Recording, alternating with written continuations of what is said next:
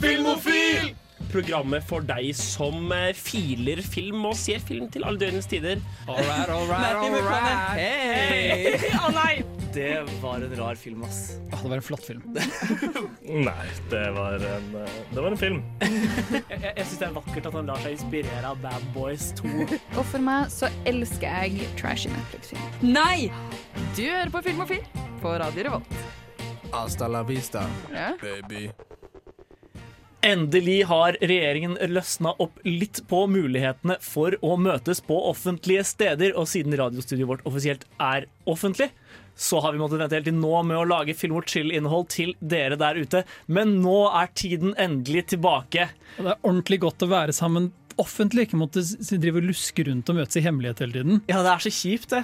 Møtes i sånne mørke bakgater bare for å spille inn radio. Sykt upraktisk. Og prate om film, da. Og prate om film. Men Pleide eh, dere å møtes på andre måter? ja, vi- pleide å gjemme oss bak, eh, bak bygningen her og uh, utveksle DVD-er og sånn. Nei, eh, vi, vi har i hvert fall gledet oss stort til å kunne være litt på lufta igjen. Og nå skal vi prate om alle filmene vi har sett siden sist, og det er jammen mange. Med meg i studio i dag så har jeg på teknikk. Jaran, Jeg har også med oss vårt nyeste tilskudd. Sander, Og mitt navn er August. Vi har masse solid filmprat på lager for dere i kveld. Men først skal vi høre lokal samling med Valen. Eh, så ja, det blir en bra kveld. Hi, this is Brian Usen. I'm the producer of Reanimator and the director of Society, and I'm with the Filmofil people, and uh, we're all having a great time. Velkommen tilbake til Filmofil, som endelig har fått lov til å spille inn radio igjen etter en lang koronapause.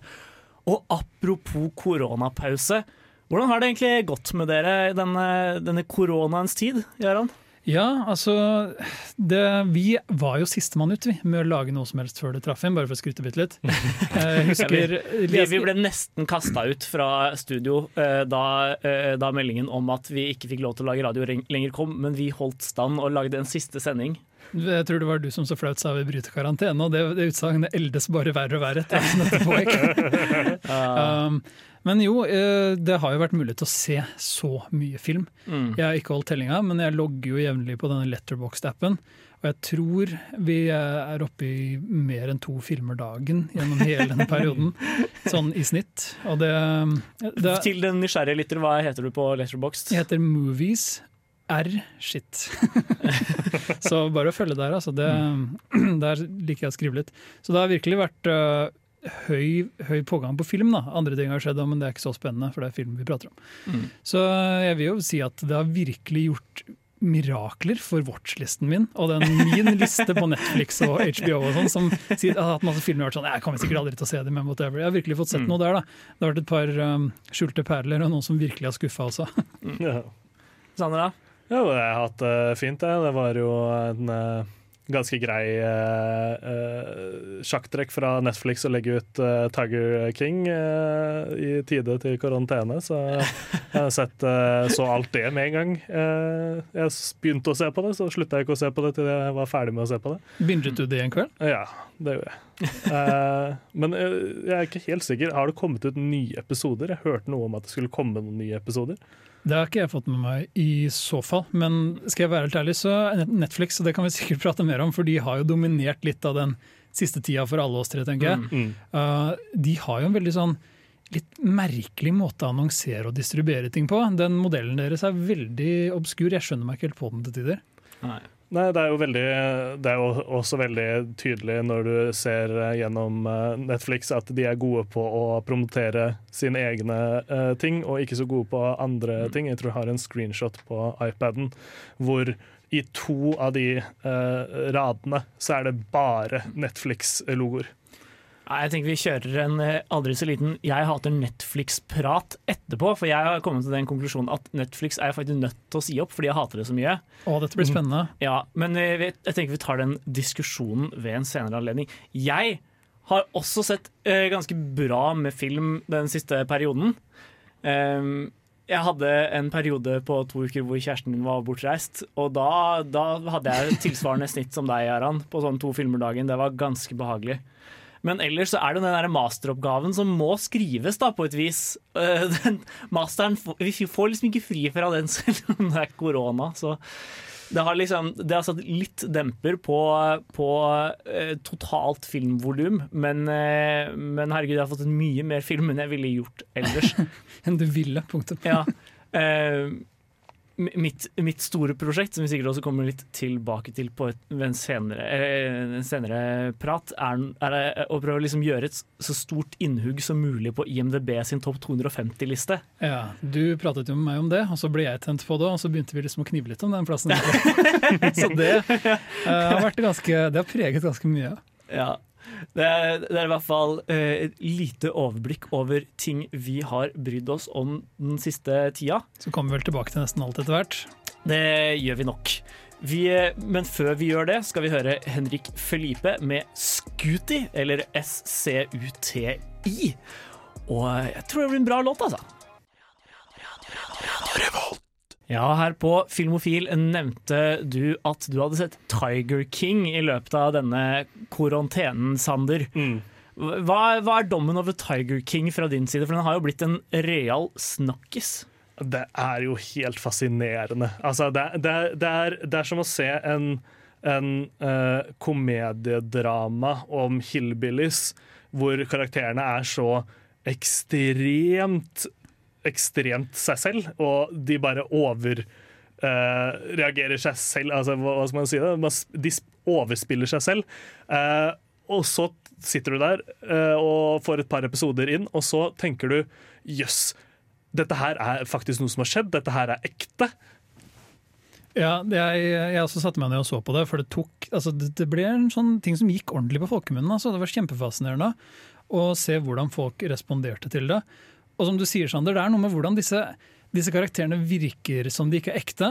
Mm. Altså, Jo mer kjent du blir med det, jo mer innser, de, innser du at de er mer eller mindre alle den samme typen personlighet. Skjønner du hva jeg mener? Mm. De, de trekkes mot oppmerksomhet.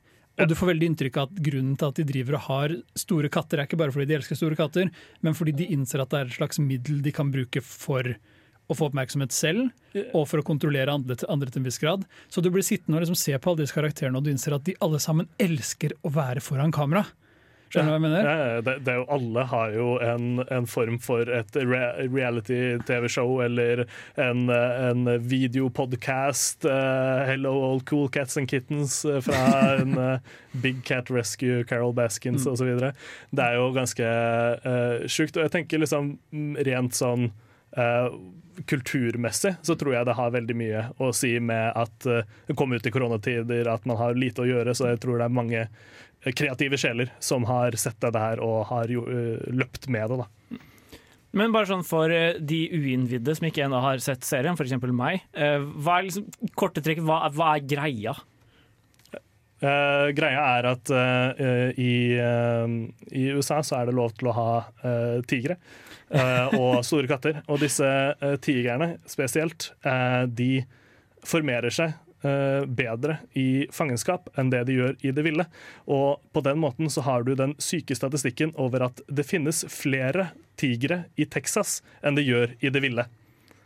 Og Mm. uh, dette her òg fordi det er en svær uh, dødelig katt, og det er Texas og det området i USA, så tenker, uh, så tenker folk jøss, det har jeg lyst på.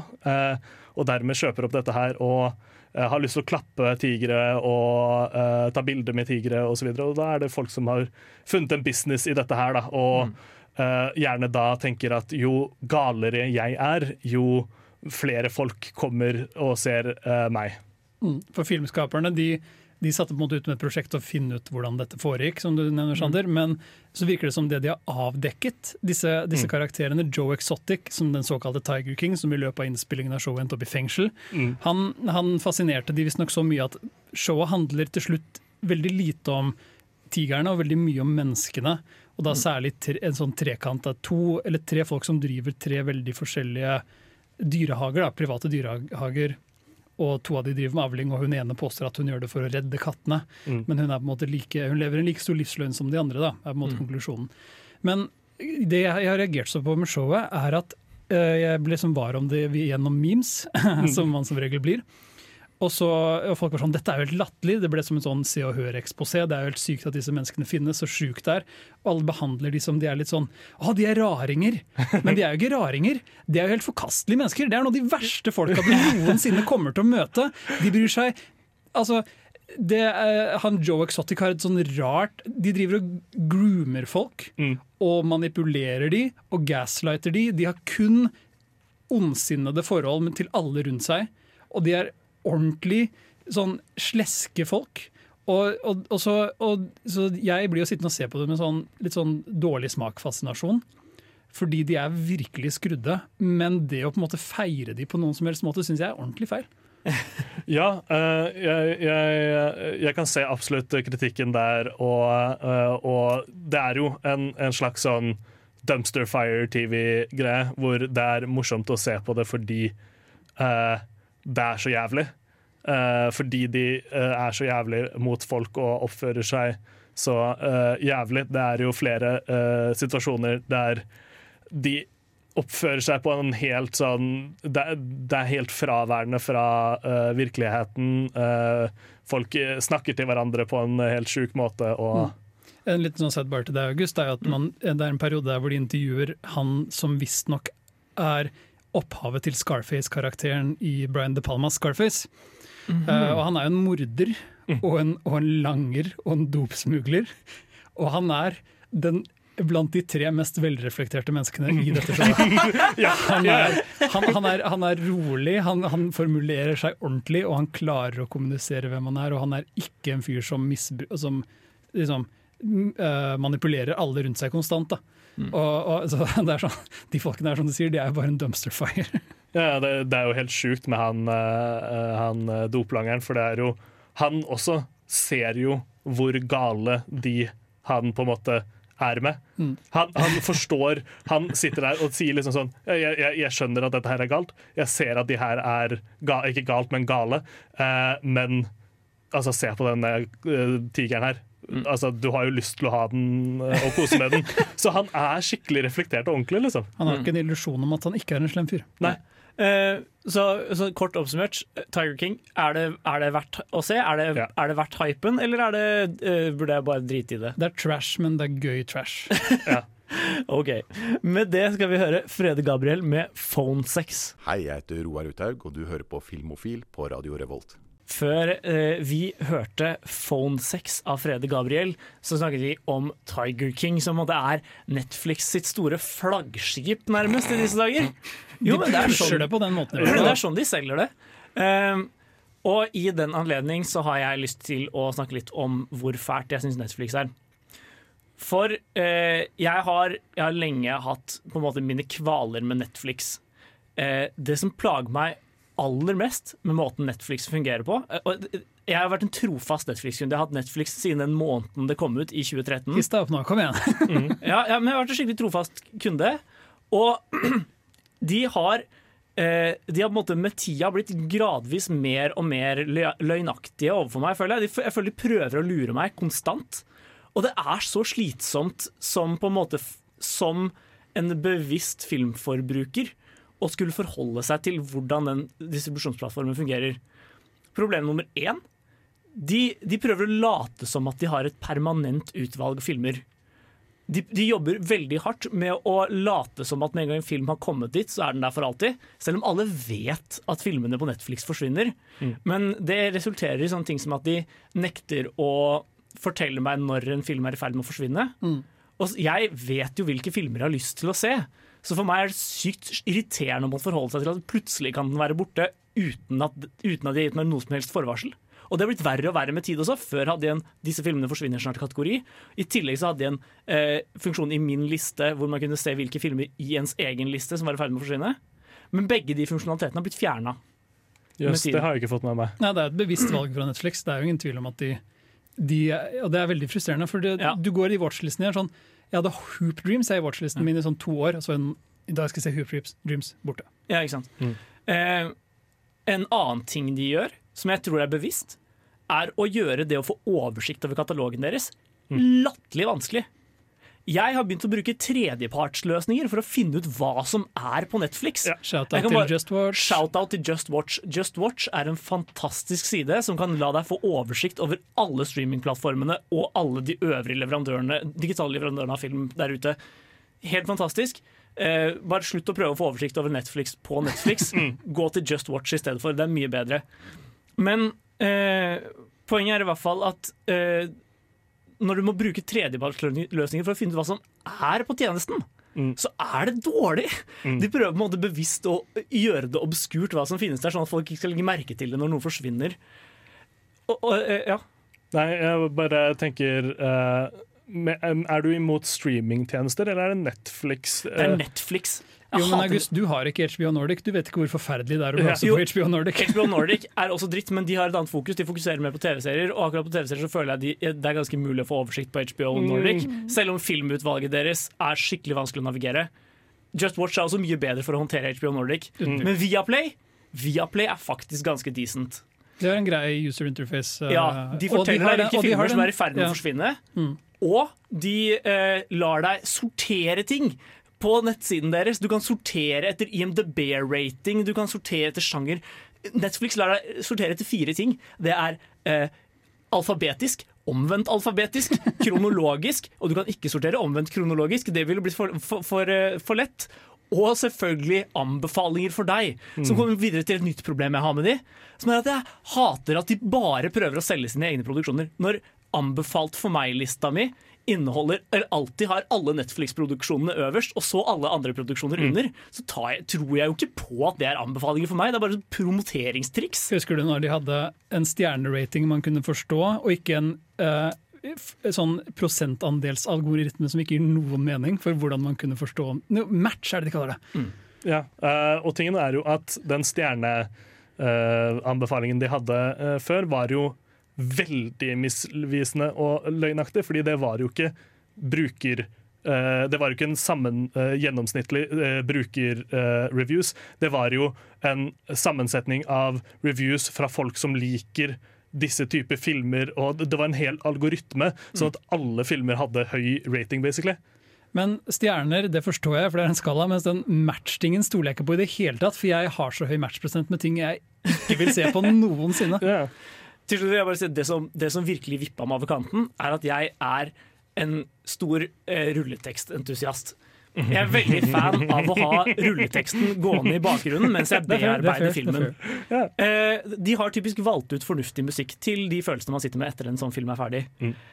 Men når jeg sitter i senga mi i motsatt ende av rommet og spiller av ting via HDMI til, til TV-en, og må løpe fra ene enden av rommet til det andre for å prøve å unngå å få en reklame for jævla Tiger King for femte gang på en uke, så blir på en måte alle følelsene jeg hadde for filmen, blir sånn øyeblikkelig om til aggresjon mot Netflix som strømmeplattform. Ja. Så dette er siste måneden jeg har Netflix. Nå har jeg bestemt meg, nå skal jeg avbestille den, heller skaffe meg Viaplay. Viaplay er decent. Ja, Jeg har én ting eh, om en streamingplattform eh, som er Amazon Prime Video. Mm. som de har, som er helt sjukt eh, bra. eh, er, eh, de kaller det X-ray-funksjon. Som er hver gang du ser på en film eller en serie, så kan du trykke opp. Så kan du se hvilke skuespiller som er med i den scenen. Ja, den er litt kul. Og du kan også se sånn Hvilken sang er det som spiller nå? X-ray. Det er helt sjukt! Hvorfor ikke det? Altså, det er jo sannsynligvis noe de har patentert, da. Men Ja. eh, ja. Poenget er Netflix er dårlig. Nå skal vi høre Vegard og Ivar Band med Tiger Woods. For et program i burra med både klasse og stil. Du hører på Filmofil. Ja, endelig kan du høre på Filmofil igjen. Åh, det er så deilig å være tilbake på lufta. Um, som sagt så har vi fått mye tid til å se på film i det siste, og det har gitt oss muligheten til å, begå, eller til å begi oss ut på noen sånne reale maraton. Du Mm. har prøvd deg på et av de, Sander. Det har jeg. Jeg har satt meg ned eh, fordi jeg innså at det var veldig lenge siden jeg hadde sett eh, den første Harry Potter-filmen. Mm. Og så når jeg hadde sett den, så tenkte jeg det er jo lenge siden jeg har sett den neste Harry Potter-filmen. og når jeg hadde sett den, så innså jeg at det er lenge siden jeg har sett alle Harry Potter-filmene. Så da begynte jeg å se alle. Det er farlig å se Harry Potter 1. Altså. Det er sånn, det er slippery slope. Plutselig har du det gående. Ja, det er det. Eh, Så jeg har eh, nå Jeg så den eh, siste part to, del seks, syv, hva skal man kalle det? Eh, Harry Potter 8 liker jeg å kalle Ja. Harry Potter 8. Mm, Harry så Potter, jeg. som jeg kaller den. Ja. Oi, oi. Skal vi ta oss selv av lufta nå? På grunn av det Jeg tror kanskje det er på tide. Ja. Nei, uh, hvis, vi- hvis vi skulle kaste deg et håndkle hver gang Jaran kom med en teit kommentar, så hadde vi holdt i sånn ti minutter. Ja, det er vel kanskje rett. Nei, det, er, eh, nei, eh, det skal sies at eh, eh, den uh, jeg, jeg, ble, jeg hadde glemt hvor dårlig eh, part én er, og hvor utrolig bra part to er. Å, jeg, jeg er helt motsatt. Er du helt motsatt? Elsker part én. Litt problemer med part to. Vi pratet jo nylig om dette, eller for en stund siden blir det nå, Ja. i vår topp 100 film, nei, jo, topp 100 filmer fra det siste tiåret-liste, som nesten er ferdig. Mm. Er nesten ferdig. Men da pratet vi om det, så du har jo virkelig proklamert din forkjærlighet for uh, del 1 august. Hva er det Mm. du hater så sterkt med den, uh, Sander? Det er jo fordi det er eh, den kjedelige delen av enhver film, altså build-upen, uten noe som helst payoff av noe som helst uh, slag. Det er den store revealen og den store eh, Hva skal man si eh, klimakset er eh, en stein som flytter på seg, og han som eh, peker en eh, pinne i været. Men det er jo ikke poenget med den filmen. Poenget med den filmen er å vise fram Eller, eller si, det jeg elsker med den filmen, er ikke historien per se. Men det er det at den har så god tid til å være med karakterene. For det er ingen andre Harry Potter-filmer som har det. Det er så mye plott i Harry Potter-bøkene som på en måte må presenteres. Så i løpet av en to timers film så er det kun i Harry Potter øh, 7 at de har tid til å liksom sette seg ned med Harry og Hermine og Ronny og bare være der med dem i en periode hvor de har det fælt. Og det syns jeg er så fint. Jeg, jeg, når de er ute på telttur, så koser jeg meg, selv om alle andre hater det. Ron har jo aldri hatt så mye karakterutvikling som han har i del 1. Men øh, det Eller nå ser det ut som kanskje Sander skulle svare på den. Jeg skulle bare si at eh, jeg synes at Ringenes herre gjorde en mye bedre uh, versjon av denne tingen her gjør meg sur, og derfor er det en strain på vårt vennskap, enn det Harry Potter uh, gjør. For det er, jo, det er jo bare den derre Horcruxen som gjør Ron sur, og så er det det, og så går han, og så kommer han tilbake igjen. Litt sånn uh, uh, Deus Ex Machina-aktig sånn ja, Hvordan fant det oss? Nei. Han fulgte hjertet sitt! Han ja, fulgte hjertet sitt! han fulgte hjertet sitt, og det er litt sånn Ja. Men det er jo henta rett fra kildematerialet. Jeg, Altså Skal ja, ja, vi ja, ja. sammenligne Harry Potter med Ringenes herre, så taper Harry Potter hver gang. Det Ja. må vi bare være, Ja, det, er liksom, gang. det, det, er med, det er noe med å Potato, sette den opp, med, ja. opp mot det største sci-fi Eller nei, største, største fantasy-filmverket Jo, noensinne. Aragorn har et lasersverd. Men uh, en, en ting som uh, eh, jeg tenker på, er at dere driver og prater om syveren og åtteren og liksom de, siste, de sene Harry Potter-filmene. Mm. Og selv om de kan forsvares og kan eh, også ikke Verdsettes. forsvares, verdsettes, så er jo det de svakeste filmene i hele franchisen. Alt fra fire og ut er bare skikkelig dårlig filmskaping. Så, men det Ok, her kommer greia. Det er det jeg føler. Men jeg har aldri begått et Harry Potter-maraton. Opplever du at de synker i kvalitet, eller stiger i kvalitet, Sander? Uh, jeg mener at uh, de blir helt annerledes. Altså, det er vanskelig å si fordi uh, de første filmene er jo en helt annen sjanger enn det de siste uh, eh, filmene er. De siste filmene er jo en krigsfilm. En dyster, trist krigsfilm, hvor de første er en eventyr-skolefilm.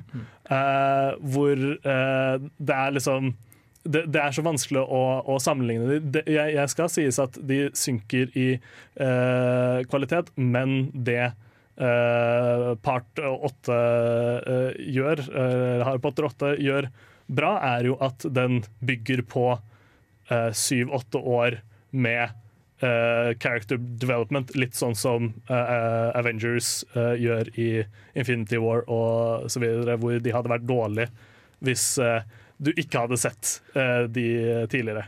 Jeg må bare skynde meg at Vi kan ikke prate om Harry Potter 8 uten å nevne at i slutten av Harry Potter 8, når Voldemort og Harry slåss i, i astrologitårnet, så, så kan, kunne Voldemort drept Harry Potter med tryllestaven sin, men han velger å bitchlappe han gjentatte ganger. Ja, Og akkurat det er helt fantastisk. Ja, ja. Det er verdt å se Harry Potter 8 bare for den ene sekvensen hvor Voldemort slapper Harry to ganger. Vi må bare få formidlet gleden over det filmklippet til verden. Nå skal vi høre en låt jeg er veldig glad i, eh, som er fra en helt annen film enn Harry Potter, nemlig I've Got a Dream fra Tangled. ah, jeg blir alltid motivert til å leve ut drømmene mine når jeg hører I've Got a Dream fra Tangled. Ah, jeg er veldig, glad, veldig svak for den låta. Mm. Nå skal vi eh, gå videre fra å prate om et solid maratonprosjekt, nemlig ditt eh, Se alle Harry Potter-filmene-prosjekt, Sander, over til et prosjekt vi hadde i Jaran. For eh, det, det har seg slik at det finnes en god del veldig lange filmer der ute. Om du, jeg skrev jo en liten sak om det for Radio Revolt nå nylig, så der ligger et par anbefalinger for ganske lange filmer man kan se. Men Ja. vi så en som var enda lenger. Det er eh, med ganske god margin den lengste filmen jeg har sett. Vi snakker om eh, Claude Landsmanns 'Sjoa'. Den ni timer lange dokumentaren om holocaust. Ja. Den har jo lenge stått som en av de mest komplette bearbeidingene av holocausten på film. Mm. Den er kommet på i 85, og den har på en måte holdt, beholdt den kronen såpass lenge. Den har, den har holdt, beholdt tronen som kanskje det ene eh, fullstendig respektable portrettet av holocaust. Det er liksom det, alle, det er ingen som har noen innvendinger mot Shoah, mens alle andre holocaust-portretter er det folk som har veldig sterke innvendinger mot. Etter at vi så den, så googlet jeg litt etter innvendinger mot Shoah. Ja. Og det viser seg at veldig eh, mange eh, ergrer seg, ikke veldig mange, men det er en stemme der ute, da, Mm. som ergrer seg over hvordan den er nesten bare fokusert på det jødiske folk, og på en Ja. måte ignorerer alle de andre demografiene. Så det er noen som har innvendinger mot Shoah, men det føles veldig riktig at Claude Landsmann som jøde og med støtte fra Det israelske folkeminneforbund, eller hva det heter, Mm. har hovedsakelig bearbeidet den jødiske opplevelsen. Da. Så det er jo ikke uh, Ja, men noen er uenig. Men de fleste, altså, og selv den innvendingen er jo sånn Ja, de fokuserer mest på jødene, men det betyr jo ikke at det ikke er en god bearbeidelse av utryddelsen av jødene. Det er det på ingen måte. Eh, det- Snarere tvert imot, nesten. Mm. Men i hvert fall eh, dette, er, dette er en sånn film jeg hørte om da jeg gikk filmvitenskap første året. Og var litt sånn Oi, en ni timer lang dokumentar om holocaust. Og så Det sjekka jeg høres tungt ut. ja, og så sjekka jeg IMDb-ratingen, og så var det sånn, Oi, 8,5 på IMDb. Hm, den må sikkert være veldig, veldig sånn en film man skal se, men som bare er altfor lang og kjedelig til at man gidder. Ja, og at eh, det handler om noe så uh, tråsig og trist som holocaust, gjør jo, eh, eh, dobler jo uh, seerlengden Mm. i følelse. Ja. Jeg hadde et annet perspektiv i tillegg, som er at dette var sikkert veldig viktig på, i 85, Mm. men nå er vi på en måte bombardert med informasjon om holocausten siden da. Ja. Så hva kan denne tilføye som jeg ikke allerede vet? Og der tok jeg grundig feil, Mm. fordi den er så perspektivrik.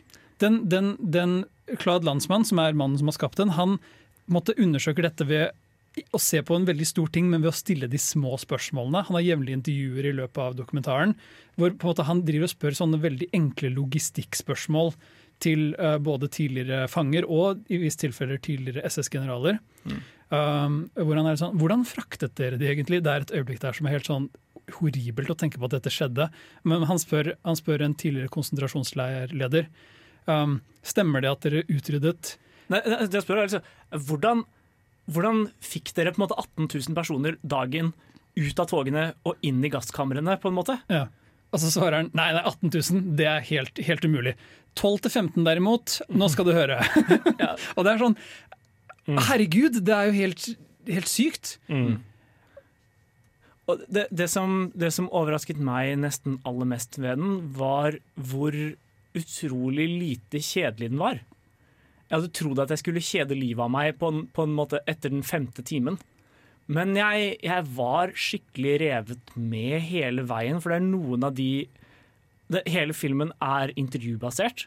Det er noen klipp bare av, eller, som er filmet av teamet som går rundt i konsentrasjonsleirene. Altså de, eh, det som er igjen av de. De har Eller var igjen sånn- av de i 1985. Ja.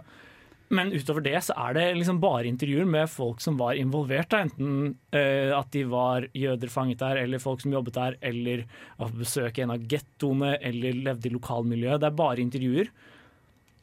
Men de er så interessante. Det var noen, det var noen øyeblikk der som var sånn dette, dette Hvordan fikk de fanget dette på film? Ja, og det er også andre øyeblikk som er sånn Grunnen til at dokumentar er en filmkunst som er så viktig som historiske dokumenter. Mm. For det er øyeblikk der som du ikke kunne skapt, gjenskapt på noen annen måte, eller ikke gjenskapt, men skapt i det hele tatt.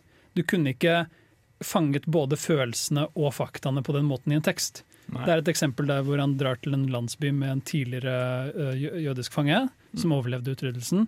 Og han ble holdt fanget i en kirke av tyske tropper. Eh, Og han ble skutt i hodet, men overlevde. Ja, og han har det overraskende greit. Eh, og de står på og de bare har dratt tilbake til denne lille landsbyen hvor alle på en måte husker at han var der. Og så har de bare stilt seg på kirketrappa etter søndagsmessen, og så har han på en måte bare begynt å hilse på folk når de kommer ut. Og denne lille landsbyen de har ikke det samme perspektivet som verken han eller landsmann har, så de blir bare stående og prate. Og ja, ja, så klart husker vi deg. Du var han lille gutten som ble marsjert opp og ned gata. Og, og det er helt sykt. Og denne flokken blir bare større og større og større. Og så begynner alle å komme med sine egne digresjoner om på en måte helt andre ting. Sånn, han ene som snakka om hvordan han hadde møtt en rabbi en gang, som snakket om at dette var, dette var jødenes straff for å ha, uh, for å ha uh, utlevert Jesus og sånn ting som er skikkelig smakløst i en større kontekst, men som sier så mye om eh, hvordan hvordan så store deler av befolkningen bare aldri har bearbeidet det, disse hendelsene. Da. Det er et ordentlig sånn digert verk, og det er utrolig godt skapt. Veldig presist laget. Bare sånn For å avslutte seg, lyst til oppfordre folk til å se den og bare si at jeg det, det oppriktig har fått meg til å tenke masse på holocaust i ettertid. Jeg har gått rundt og, gått rundt og tenkt på holocaust masse. Var det en, eh, en oppfordring? Jo, men det jeg, det er noe med Ja. at vi vet, som, som du sa, Jaran, vi vet så mye om disse hendelsene, men det, det er noe helt annet å ta inn over seg hva det vil si. Mm. Og Utrydde milliarder av mennesker. Nei, millioner av mennesker. Milliarder hadde vært, det hadde vært enda sjukere. Men, men, men fortsatt, et menneskeliv er en tragedie, og seks millioner menneskeliv er også seks millioner tragedier, ikke bare en statistikk. da. Og det er det de klarer å få fram så bra gjennom å stille disse logistikkspørsmålene. Det er rett og slett en, en film som har fått meg til å tenke masse, og det, det er bra. Nå skal vi høre noe mye hyggeligere, nemlig uh, Gerald Ofori med 'Equal'. Hei, jeg er eh, Agnes Kittelsen, Og jeg er Aksel Henning, og det er viktig at uh, dere hører på Filmofil. filmofil. Velkommen tilbake til Filmofil her på Radio Revolt.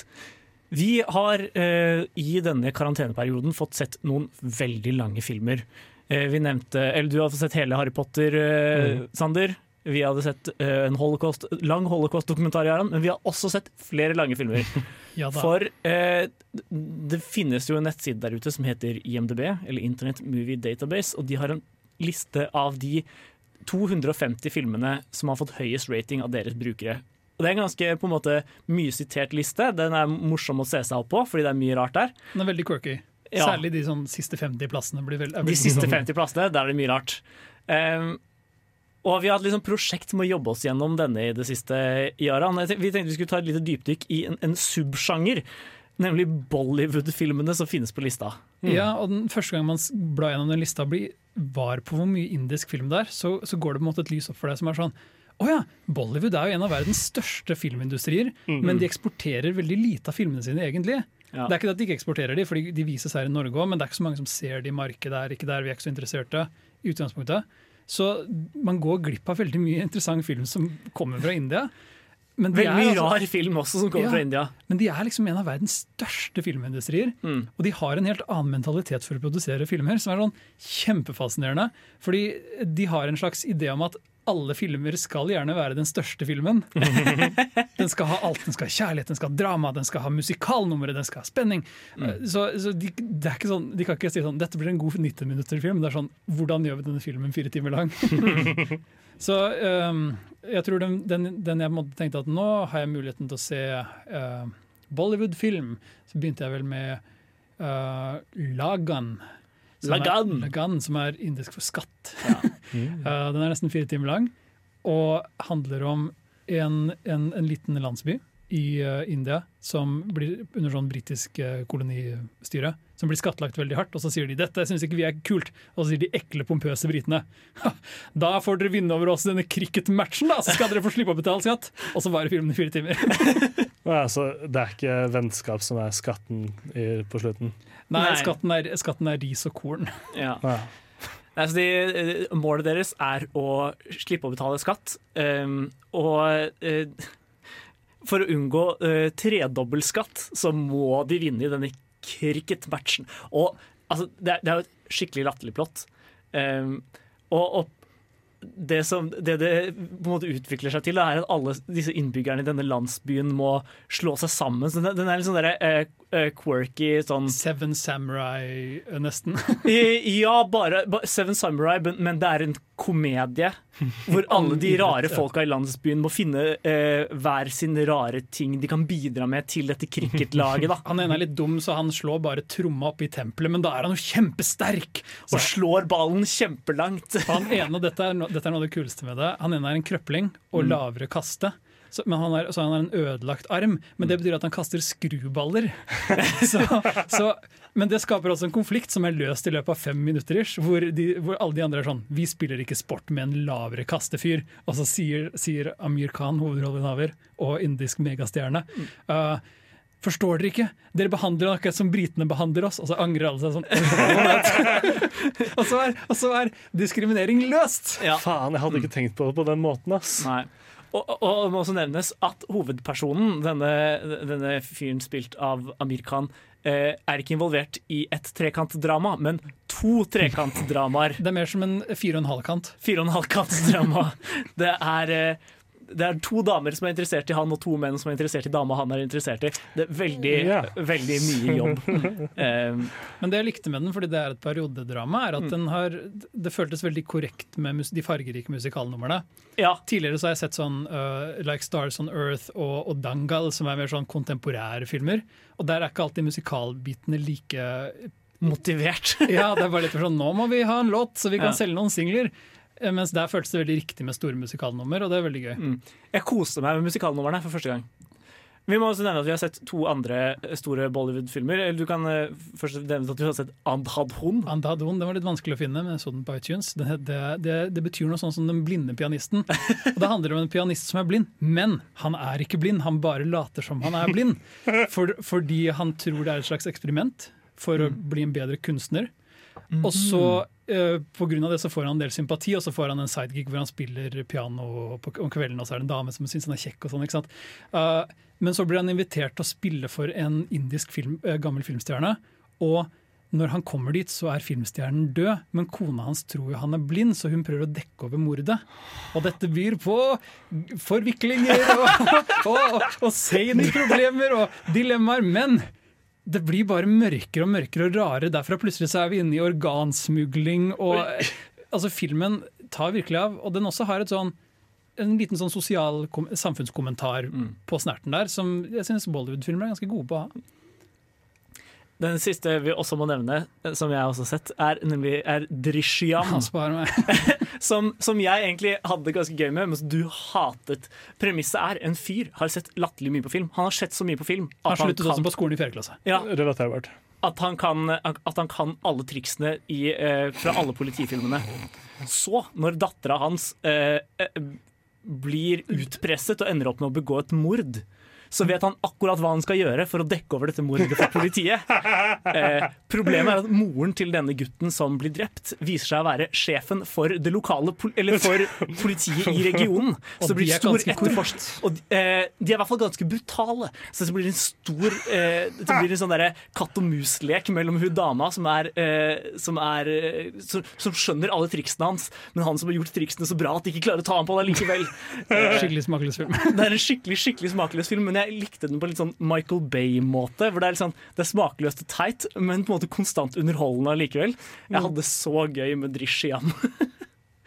ah, det vi har i hvert fall klart å finne litt glede, glede i disse Bollywood-filmene, selv om vi har litt delte meninger om dem. Det er en skikkelig spennende industri. Jeg vil Ja. anbefale folk å prøve å bli bitte litt mer bevisst, for det er, eh, det er ganske gøy å se en Bollywood-film en gang iblant. Nå skal vi høre Frank Ocean med Dare April, akustisk versjon. Etter det skal vi prate mer om film vi har sett i det siste. Velkommen tilbake til Filmofil. Her vi for, har vi fortsatt en liten sånn koronaspesial, der vi snakker om alle tingene Comeback-korona spesielt. Ja, korona-comeback-spesial, hvor vi snakker om alle tingene vi har sett under lockdown-perioden. Mm. Og du hadde også tatt et gjensyn med noe gammelt Disney, Sander. Det er sant. Jeg eh, så en av mine favorittfilmer fra eh, gammelt av. Eh, en film jeg så radig mye av når jeg hadde den på VHS. Uh, og det er A Goofy Movie. Uh, Eller en langbeint film. en på norsk. langbeint film, uh, ja. Eh, jeg så den jo da på engelsk, eh, hvor alt var bedre, unntatt én sang, som jeg satt eh, liksom Ja, jeg vil si kanskje eh, 15 år senere og sang den norske teksten til. Eh, som jeg ikke har hørt på evigheter, men jeg kunne eh, litt av den norske teksten. Hva, hva er plottet i en langbeint film? OK, nå skulle du høre. For uh, uh, sønnen til Langbein, Max Jeg, jeg, det eneste jeg husker eh, Ja. digresjon, det eneste jeg husker fra denne filmen Eller jeg vet denne filmen er det som kom fram i traileren som gikk på alle VHS-ene mine i barndommen. Så liksom, Jeg husker på en måte at Max var en karakter, og at de kjørte rundt i en høy bil og sånn, men det, er, det er liksom stort sett de detaljene som sitter igjen. Men det er en overraskende hyggelig og koselig far og sønn-film. Så tingen er at eh, eh, Max er glad i en uh, dame, uh, og han gjør alt for å imponere henne. Det er en kjempekjent eh, eh, artist som heter Powerline, som er veldig lite skjult at skal være Michael Jackson. Eh, så han eh, holder et show på eh, et uh, geriljashow. Altså, han har ikke lov til å holde dette showet på en skolesamling, og kommer da i trøbbel. Dette får da Langbein høre fra rektor, som helt uironisk sier at uh, pga. dette her så kan hende at Max ender opp i den elektriske stolen. Som er noe helt ekstremt å si til en forelder av en sønn som har gjort én feil ting. Rektorer på skolen de er litt overdramatiske. Altså. Ja, ja. Eh, så dette gjør jo at, eh, at Langbein blir redd for at han eh, driver og holder på og skal gå inn i gangstermiljø og sånn. Det er veldig mye spesielt i tankegangen der. Så han bestemmer seg for at han skal gjøre det han gjorde med sin far, altså Langbein sin far. Det er å dra på fisketur over USA. Så de reiser da fra på roadtrip gjennom USA. Eh, og uh, hva er det, mye hva er det, bonding og, og uh, konflikter mellom de to, da. Mm. Jeg mener å huske Det er en stund siden jeg så den, men jeg så den et par ganger i barndommen selv. Dette er jo fra den æraen i Disney hvor de begynte å lage eh, filmer, og så var det den at de kunne bære TV altså små animerte pro programmer på Disney Channel i tillegg. Mm. Så dette, denne filmen uh, resulterte jo i spin-off-showet Langbein og sønn, f.eks. Ja. Uh, men så det var en litt sånn interessant periode for Disney-produksjon, og da gikk jo den også jevnlig på Disney Channel. så i hvert fall sånn jeg så den. Mm. Uh, men, men jeg mener husk at det liksom er noen spenningssekvenser i den, men det er ikke de bitene jeg husker. For som du nevner, så det jeg husker best er, og dette tenkte jeg på når du pratet om det nå, hvor utrolig mye dybde det gir en karakter som Langbein. Han er en alenefar, de har gjort en til en alenefar i denne filmen, og de har på en måte beholdt det at han er en keitete, og øh, dustete fyr. Men det er litt sånn, hvordan er det å ha Langbein som far? Skjønner du? Og så ta filmen det bitte litt på alvor. Og, og det, det, det skaper litt godt drama, altså. Ja, men det gjør det, og det er ærlig Jeg, jeg ble litt våt i øynene når, når de sitter der uh, uh, på, på taket av bilen som uh, hva er det, flyter nedover en elv, ja, fordi det er Disney-animert, men eh, og driver og bonder og har en sånn liten far og sønn-sang. Så satt jeg med litt sånne tårer i øynene. Sånn, det var jo et fint øyeblikk. Kanskje Langbein og sønn er klar for å gjenoppdages. Jeg, jeg må jo ærlig innrømme at det, det hørtes ut som en mye mer jordnær film enn det den traileren på mine gamle VHS-er presenterte det som. Ja, det, eh, og det, det er jo på en måte Den uh, Goof Troop er jo en uh, directive uh, VHS i USA.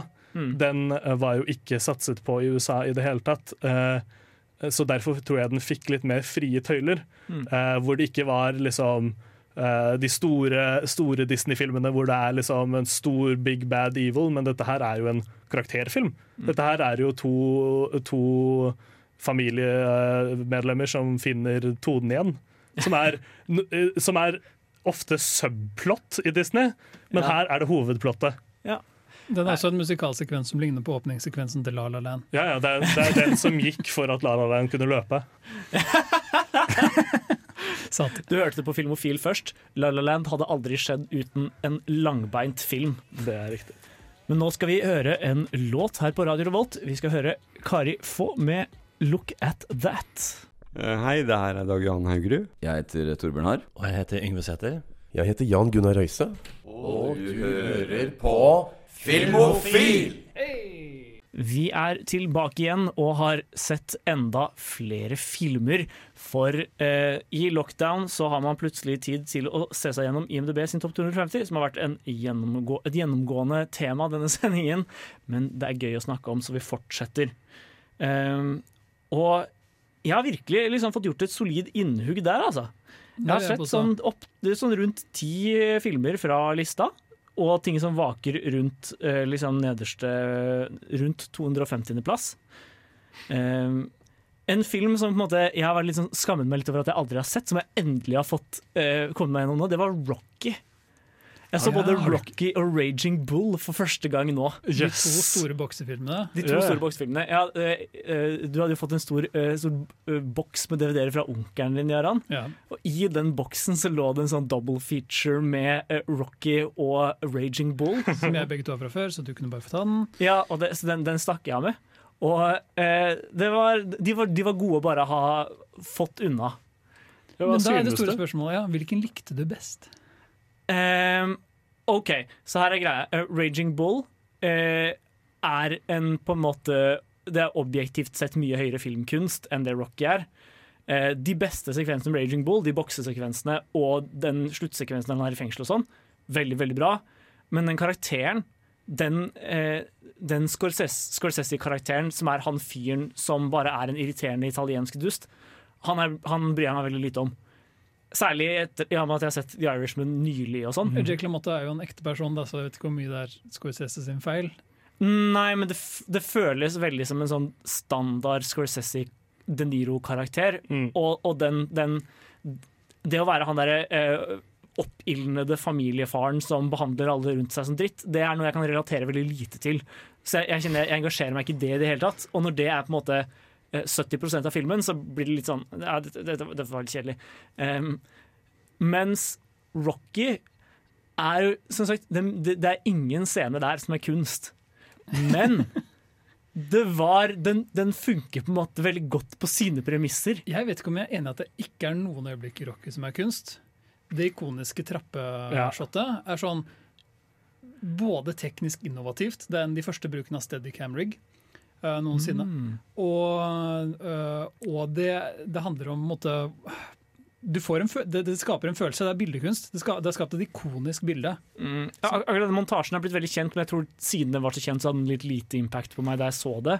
For jeg har jo sett akkurat de bildene evig mange ganger. Ja, fordi det er jo det jeg skulle si, at hvis jeg skal ha en presentasjon en gang om uh, montasje, så er jo det en man drar frem. Mm. Eh, både fordi den knytter sammen de to hovedpunktene ved en montasjesekvens, er jo musikk og eh, bilder. Og de går veldig godt sammen. Det er, ja, det er jo triumf, og det bygger seg opp fordi han bygger seg opp. Det er jo Jeg vil si, jeg vil si det er kunst. Ja, jeg, jeg vet ikke om jeg er helt enig der. Jeg syns det er underholdning. Men det, det, kanskje, det som overraska meg litt med den, var hvor mye på en måte Hvor mye sjar... Eller hvor mye mindre film det var enn jeg hadde trodd. Jeg hadde en trodd at Rocky skulle være en stor film, for det er den følelsen du får fra den montasjen. Men det er egentlig en veldig liten film om en fyr som på en måte det har gått dårlig med her i livet. Ble du overrasket over at han ikke vant kampen på slutten? Nei. Nei, det ble ikke det? Har kanskje fått det spoila allerede? Mm, nei, men det var noe med at det føltes som den- er, er, Han er veldig tydelig på at det er målet hans, og han oppnår det målet, som er et veldig ydmykt mål. da på en Ja, måte. men jeg forventet på en måte at egoet til Stallone skulle, skulle slå inn i høyre på slutten. først. Jeg så den for lenge siden, men det, det er bare sånn, jeg var vant til at amerikanske filmer endte med at helten fikk alt. Ja. Her var det sånn I love you! I love you! Seieren føltes så veldig som et kompromiss. på en måte, hvor det var sånn, Ja. han, han fikk målet sitt, som du sier, Mm. men han, han, han vant ikke så mye mer enn det. Eh, det- så jeg, jeg, har, jeg har veldig mye sympati for Rocky. Den Jeg syns ikke det er en film som er så hjemme på IMDb topp 200 Eller jeg syns ikke det er en av de 250 beste filmene som er laget, men den hadde, den hadde helt klart sjarm. Eh, på en annen måte enn Raging Bull hadde. Så på en måte, eh, Raging Bull eh, objektivt mye bedre, men Rocky eh, subjektivt bedre. Hvem ville vunnet i en boksekamp mellom Rocky og eh, Robert De Niro? De har jo samme strategi, da. Nå så tror jeg at eh, Stallone eh, klarer å slå De Niro. Det tror jeg også. Ingen av dere så Grudge Match, filmen hvor Stallone og De Niro bok- bokset mot, mot hverandre, som kom i sånn 2014? Nei. Nei. Jeg har den på sånn å se-liste, men jeg har aldri, aldri orket å se den. Det skjønner jeg godt. Det hørtes ut som en skikkelig seig film. ja, ja, Men men jeg- jeg, jeg jeg, likte jo. Escape Plan, Stallone versus Men- uh, hatet den, Schwarzenegger-filmen. så jeg hadde sikkert ikke likt boksekamp mellom De Niro og Stallone heller. Men De Niro er jo skikkelig ordentlig dårlig til å slåss. Det så Altså, vi jo i The Irishman. Ja, I The Irishman så er det jo helt ekstremt. Det er som å se liksom, faren min prøve å slå en flue. Men når han gjorde Raging Bull, så ble han tilbudt proffe... uh, Altså å bokse som proff.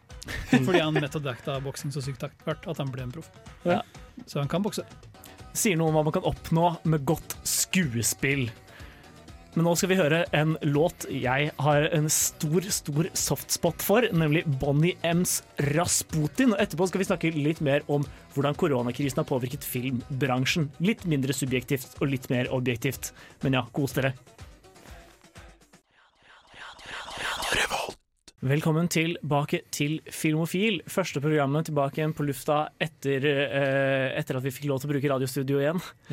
Vi eh, skal nå diskutere litt hvordan denne lockdownen har påvirka eh, film som medium, i grunnen. For det har helt klart skjedd noen endringer i det siste. Altså Én ting er jo at det er veldig mange produksjoner som har blitt avlyst eller satt på vent. Mm. Plutselig står masse folk som jobber i filmbransjen, TV-bransjen, Mm. kanskje uten jobb. Mm. Og en annen ting er at kinoene sliter.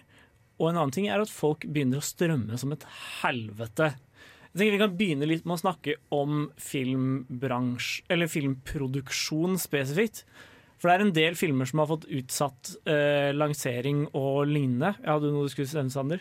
Nei, det er jo bare Jeg eh, er jo med i noen eh, grupper eh, på Facebook for filmskapere og sånn, hvor du har veldig mange lavere Altså hva, hva heter det, Bulk Crew-medlemmer, da. Mm. Sånn hva heter det, lydteknikere og Ja, så videre. gaffere, Ja, alle de nettopp. folka. Mm. Og de er jo helt på bar bakke. De har jo ingenting eh, å gjøre, og ingen eh, Og USA er jo helt elendig på eh, arbeidslødighet osv., i hvert fall til frilansere, som Mm. filmindustrien eh, har utnyttet av eh, ganske eh, kraftig. Og det er jo ingen unions og alt sånt, så det er jo mange som er vocal der på nettet over ja, at det går dårlig, da. Ja, jeg tror egentlig man vil bli sjokkert over hvor få Altså Filmindustrien er stor, men hvor Mm. få av de spillerne i filmindustrien som faktisk har trygge, faste jobber. Skjønner du hva jeg mener? Sånn Skuespillere er jo altså stjerner, og de er jo ganske safe. Men de som måte, lager filmen, alle de små tannhjulene som må være der for at en, film skal, en stor studiofilm skal bli lagd, de, de som driver med sånn spesialeffekter og, Mm. og lyssetting og lyd, ja. Hår og sminke, Mhm. for eksempel. De er ofte frilans som bare blir leid inn. Eh, og sitter nå på helt bar bakke og ikke kan få gjort noe som helst. Akkurat VFX-folka er jo ofte de som kan Eller er jo fort folk som kan gjøre ting også i denne perioden. da. Mm. Eh, særlig Det at en del filmer får utsatt release, er jo fort bare bra for dem. Eh, Ja, det er jo mange memes ute på nettet Og over klippere som nå sier at å ja, hadde vi lov til å gå ut før? eh, for det er jo den kjente tingen at eh, klippere eh, ikke ser sola. Ja. Eh, men det er nå engang sånn at uh, det er veldig mange i filmbransjen som også jobber veldig tett på folk. Da. De, som dere nevnte, makeup-folk får jo ikke jobbe nå. Eh, hårstylister, eller ikke engang vanlige frisører, får jobbe. Og en stor filmproduksjon, det er jo ikke snakk om. Mm. Noe konkret som har skjedd, er jo at um, f.eks. James Bond har fått utsatt premiere. Dette har jo vært litt interessant, for det har- skjedd måte to ting. Mm. De st- studioer har begynt å ta noen av småfilmene sine, de mindre filmene, typ Troll 2 World Tour, en animasjonerte barnefilmen, og Mm. sluppet de på sånn direkte til streaming i stedet, eller du kan på en måte begynne å kjøpe og leie de på iTunes, den typen ting. Så de får på en måte ikke kinopremiere lenger. Mens alle de store filmene, blockbuster-filmene, har nå begynt å bli skyvet og utsatt med hele år. James Bond, Mulan, nesten alt av Marvel-filmene. Uh, så mange at du liksom mister litt oversikten etter hvert. Mm. Og, og det er på en måte Alle disse store filmene blir jo bare skjøvet lenger og lenger ut. Men studioene er fortsatt, det virker som de er veldig overbevist om at pengene fortsatt ligger i kinoen. Mm. Fordi de velger å ikke slippe de på, mm, på nett, men heller vil ha de i kinoen. De måtte kjempe veldig hardt for å, å sørge for at de får kino ja, jeg vet ikke. Det, synes det, det viser i hvert fall, de, de gir en slags indikasjon om at studioene kanskje har en plan. Det er jo lov å håpe på, i hvert fall. Mm. Men det tyder jo også på at en god del av filmarbeiderne kommer til å stå veldig på bar bakke i mellomtida, og det er jo også skummelt. Ja. Eh, med tanke på liksom hvor mye filmindustri som kommer til å være igjen når, period, eller når, når denne perioden er over. Ja, fordi det er jo med å, å utsette premierer og sånn eh, Det legger jo opp en plan på at kinoene er der når de kommer. Ja, det var det, da. Som eh, jeg har tenkt på, er jo distriktkinoene, som Mm. eh, sannsynligvis ikke hadde nok besøkende når det ikke var korona. Eh, sliter nå veldig, sannsynligvis. Eh, kommer, det, kommer det til å være noen distriktskinoer når vi er ferdig eh, med denne koronaen? Det er veldig vanskelig å si. Jeg håper virkelig de klarer å få støttet kinoene nok i denne perioden, i hvert fall i Norge, til at de holder seg på beina. Mm. Og med det håpet så skal vi høre Combos med Mad Beef.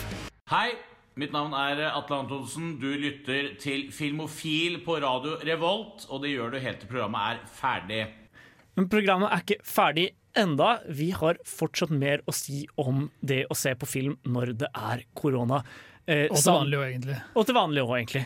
Eh, Sander måtte dessverre forlate oss, men eh, i hvert fall inntil videre. Han kommer tilbake neste uke. Det Det er ikke som at han døde underveis i sendinga. Nei, han er frisk og rask fortsatt. Ja. Eh, men vi skal ta oss i land, Jaran.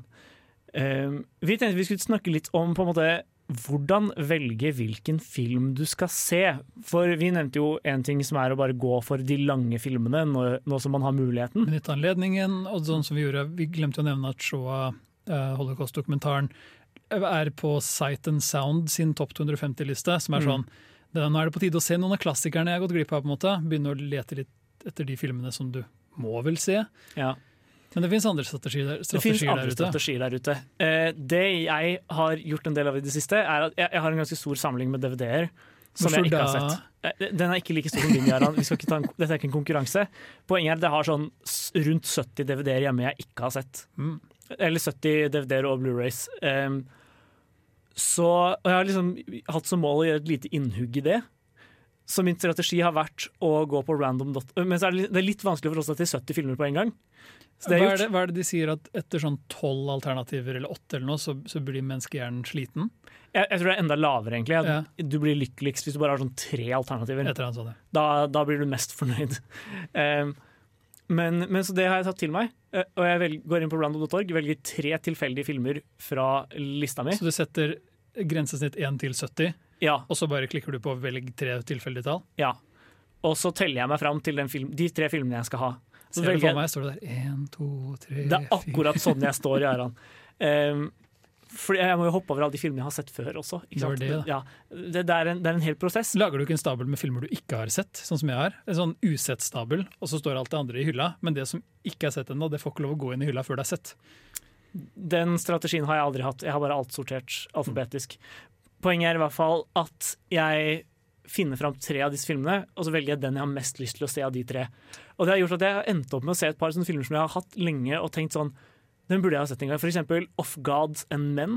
Ja. En sånn fransk eh, produksjon fra 2009 eller noe sånt. Ja, 2009. ja. Eh, Den om de munkene ja, eh, men- som forsvant, eh, ble kidnappa og ble borte. Ja. Er ikke det en rar film, fordi du ser hele filmen, og så på slutten så er det sånn Å, forresten, det er en sann historie. Men du, det er ingen som kan forvente at du vet det er en sann historie. Nei, det var litt, man ble, jeg ble litt satt ut av det. Um, det. Men for meg så var det mest interessant bare en sånn meditasjon over tro. Jeg syns jo det er spennende. Um, men i hvert fall, det jeg pleier å gjøre etter det, er å gå over til eh, For jeg ofte Jeg har kjørt to filmer per, per kveld ofte. Double, double feature er på en måte en uslåelig, ja. en uslåelig formel. Ja, og greia er at utvalget i de, av DVD-ene mine er litt mer, det er litt mer høy, eh, høy kvalitet, da. Mens på Netflix er det litt mer sånn dritt. I Netflix-lista mi er det mye rart. Jeg har jo ytret mitt hat mot Netflix allerede. Men eh, det å velge tre filmer derfra, og så velge ut den den jeg har mest lyst til å se som en film nummer to, er også ganske fint. Da fikk jeg sett uh, 'Dolomite Is My Name' og, Oh yeah, filmen om Rudy Ray Moore, mannen bak karakteren Dolomite. og også 'Upgrade'. Ja. Upgrade var fet. Den er verdt å sjekke ut. Bitte liten spoiler. Jeg sitter og skriver en, en, en nettsak nå om hvor mye jeg liker Upgrade. Jeg syns Upgrade er kjempegod. Ja, den var, det, var, det var god sci-fi. Lavbudsjett-sci-fi, vil jeg merke. Ja, men, men actionsekvensene var kreative. Mye mer kreative enn noe jeg har sett fra Marvel. i det Ja, og så er det noe med fysikaliteten til uh, hovedrolleinnehaver. Han må på en måte spille en person som har fått kroppen sin overtatt av en AI. Ja, så alle kampscenene har sånn veldig rar, veldig rar fysikalitet. Det er kjempekult. Mm. Uh, men jeg også har jo kjørt slapstick Nei, slapstick. Double feature-formatet. Mm. Men jeg er, jeg er litt mer glad i søppel enn deg. Mm. Så jeg jakter jo aktivt på restaureringer av sånn. Jeg kjøpte en stor haug med Dario Argento-filmer nylig. Lucio Fulci-filmer. Så jeg, eh, jeg har blant annet hatt Uh, Before Midnight fullt av Tenebre. Har vært en double feature, ser jeg. Eh, den typen ting. Og det, det funker veldig bra altså, å se en litt sånn høykonseptsfilm fullt av noe som bare er litt sånn Trenger ikke å følge så mye med på hva som skjer, det er bare ting som skjer. Vi har jo kjørt to av de filmkveldene selv, eller sammen også. Eh, du hadde fått tak i Yi-Yi på Blu-ray Edvard Youngs uh, nesten tre timer lange familiedrama. Taiwanesiske familiedrama. Jeg, jeg begynner å kjenne at denne sendinga blir for spesielt interesserte. Altså. Men vi kan jo bare hilse og si at hvis noen lurte, så er Yi-Ji veldig god. Den er veldig, veldig bra. Eh, Men den vi så etterpå, var heavy metal, kultklassikeren fra 80 Voksenanimasjonskultklassikeren som bare handla om å liksom vise fram nok pupper og blod, og så satsa de på at publikum skulle være fornøyd med det. Ja. Det var, den var ordentlig dritt. Den hadde en god idé. De to første vignettene, for det er en Ja. antologifilm, er sånn Disse sånn pulp-historier, det er ganske teit, for den var veldig sånn åpen om at eh, den derre pupper og blod-greia er litt barnslig. Ja. Men så gradvis så ble den mer og mer forelsket i sin egen vits. Ja. Og så glemte den at den ikke skulle ta seg selv på alvor. Ja. Og siste vignett er, er bare pupp. Det, er, det var så mye pupp. Er bare Ordentlig kjedelig. Men, eh, men jo, så prøvde vi, også, prøvde vi oss også på eh, A Woman Under The Influence, eh, amerikansk indie-drama fra 70-tallet. Yeah. Eh, om en psykisk syk dame som har et vanskelig forhold til familien sin. Jeg ble sittende og Vi så jo den. Den er to og en halv time. Ja. Og det er på en måte bare ren skuespillerprestasjon hele veien. Det var så rent skuespill at det var helt sjukt. Og det er sånn ordentlig rått, og, og hun er så sårbar, hovedrolleinnehaveren. Mm. Um, Jessica Lang? Nei, No, nei det Gina. Roland heter hun. Gina Roland, det er det. Uh, men jeg var sånn, hvor mye av dette er improv? Så jeg leste etterpå, og overraskende mye av det er skripta. Hm. Nesten alt. Utrolig solid skript. Det, det, var, det var veldig imponerende. Og veldig imponerende prestasjon. For det er sånn Det er, det er Spennene fra liksom, høydene til, laven, til lavpunktene er ordentlig intense, altså. Det vi fulgte den opp med, var i hvert fall Overlord. Nazi-zombies. Den hadde et fantastisk quote som var en fyr har blitt eh, nazi eh, Sønnen Sønnen til Kurt Russell. Ja, Han har fått i seg, sånn, eh, fått i seg en sprøyte som gjør at han har blitt udød, en udødelig zombie. Så spør, spør en av de udødelige nazizombiene sånn How does it feel to be a part of the eh, the Thousand Year Reich. Så svarer han Not so fucking great! Og så er løfter han seg av det spydet, det er det som er så bra. Ja, ja, nei, det var, det var etter at han hadde hengt Ah, på kroken. Han hadde også blitt hengt på en krok etter brystkassa, så løfta han seg av kroken og sprøyta seg, stakk sprøyte i seg selv og ble en del av The Thousand Year Reich. Det var, Flotte greier. det var ordentlig teit, men jeg koste meg. Litt, litt uh, treg i åpningssekvensen. God, god sjangerfilmskaping, men på en Mm. Ja. måte bare sånn å, det er en krigsfilm, alle karakterene er litt kjedelige. Mm. Men så siste akt sparka hardt, altså. Ja. Det var gøy. Det er i hvert fall vår strategi for å se på film for tida.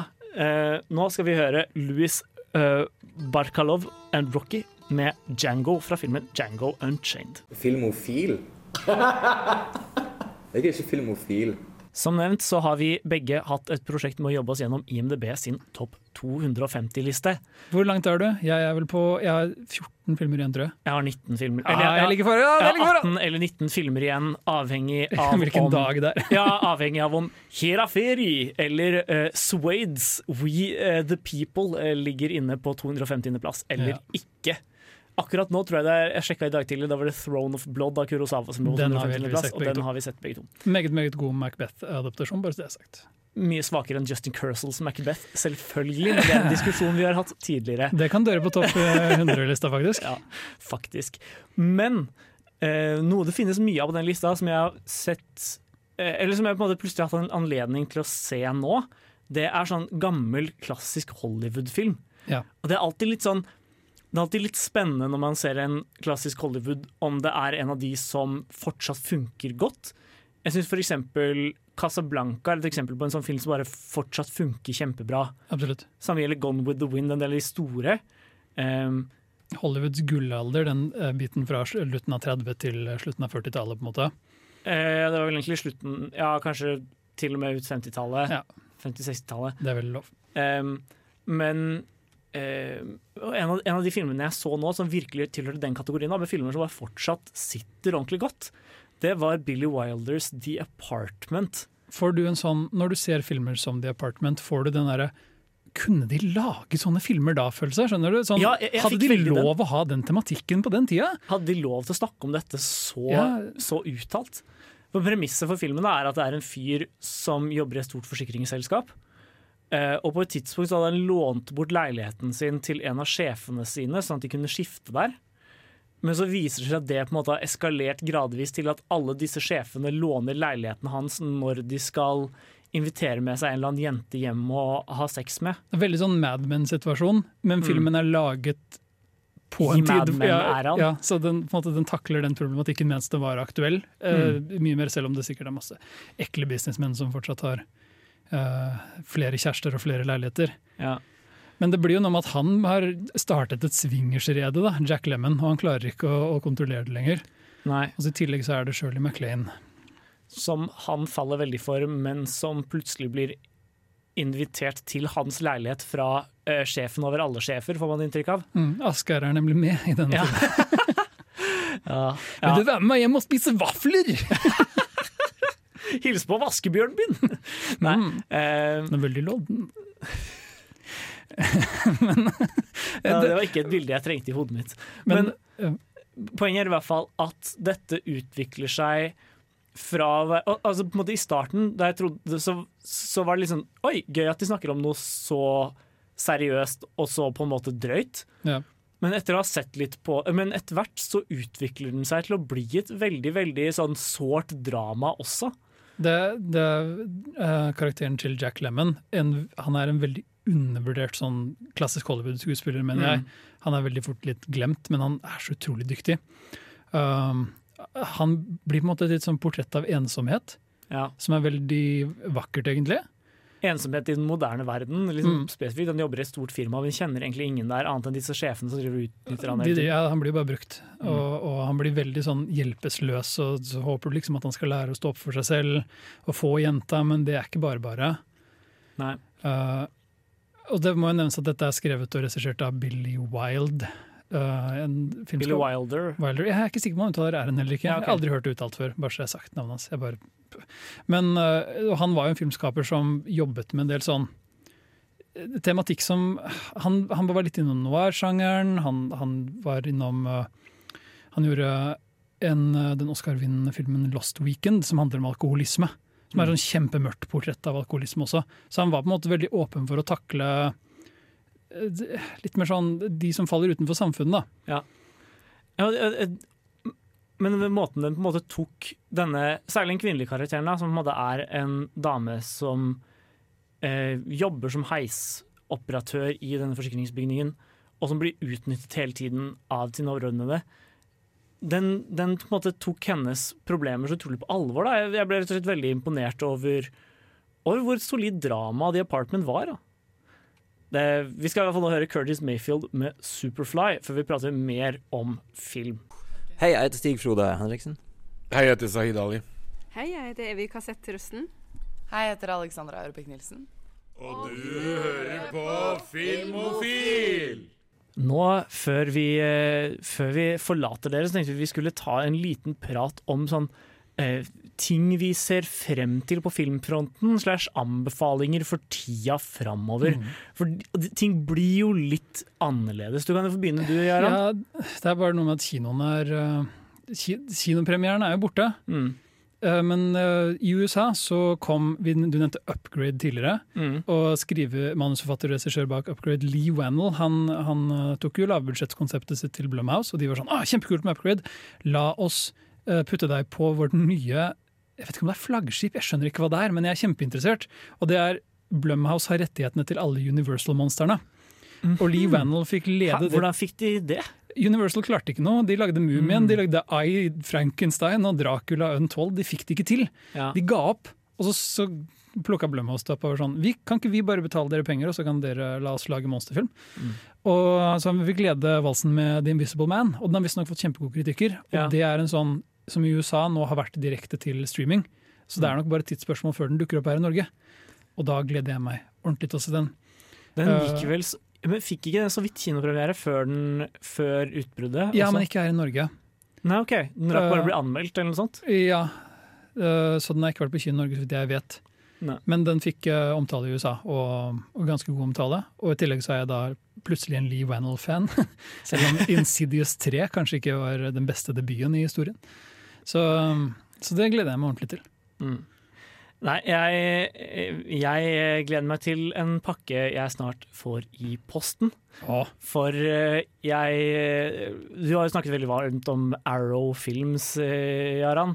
Det er et britisk selskap som jobber med klassisk filmrestaurering. Ja, alt fra The Apartment, de har en ja. Blu-ray den, til uh, Giallo-filmer og, og gammel sci-fi. og De er en ordentlig De hadde i hvert fall eh, påskesalg nå nylig, eh, og jeg tenkte som sa at eh, hvorfor ikke? Det blir, det blir jo fort 200 kroner per film etter liksom toll og alt mulig, men når Mm. hver film bare kosta sånn fem ja, pund, 60-80 kroner. så, så var det liksom Ja, jeg, jeg går for det. Så jeg har bestilt meg en gruppe på seks filmer som jeg gleder meg veldig til. Eller en del sånn eh, filmer jeg føler jeg burde ha sett for lenge siden. Plukket opp noe fastbinder.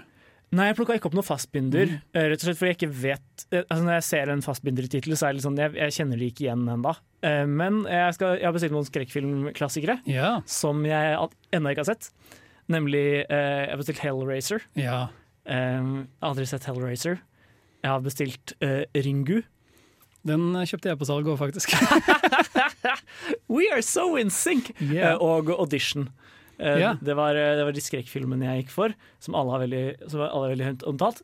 Så kjøpte jeg meg også uh, The Purple Rose of Cairo, uh, Woody Allen-filmen. Jeg òg! Vi har vært inne på samme side. Vi har vært inne på samme side, ass. Uh, og oh, nå stod det stille. Eh, My Darling Clementine. Ja. Eh, John Ford-filmen. Jeg er veldig glad i The Man Who Shot Liberty Valance, så jeg tenkte ok, jeg må bare, jeg må bare skaffe meg noe mer av han. Mm. Eh, og så var det en til, men nå står det stille for meg hva det var. Jeg husker ikke farta. Men jeg mens det står stille for deg, så er du inne på et veldig viktig poeng her. Og det Mm. er at særlig nå med at streamingtjenesten har begynt å, å sette en grense på hvor mye de, altså bit eh, de strømmer for Mm. pga. all trafikken, så er altså fysisk media det er kongen fortsatt, altså. Mm. En god 2K-restaurering, det er nesten helt umulig å slå. Bruk litt mer penger på å kjøpe en, eh, en Kjøp en god Blu-ray inn i Ja, det. er lurt, altså. Nå skal vi høre en uh, filmlåt, faktisk, som vi begge er veldig glad i. Vi skal nemlig høre uh, Daft Punk med The Rest fra Tron Legacy. Ah, tenk, hvis, tenk hvis Tron Legacy var en bra film, Jaran. Hvis den var like bra som soundtracket sitt, så hadde det vært kanskje en av de beste filmene noensinne. For det Ja. sparker så hardt til tider i soundtracket til Daft Punk. Ja, det er trist at den filmen skulle være så døll. Men, men. Dette var dessverre det vi rakk for denne gang.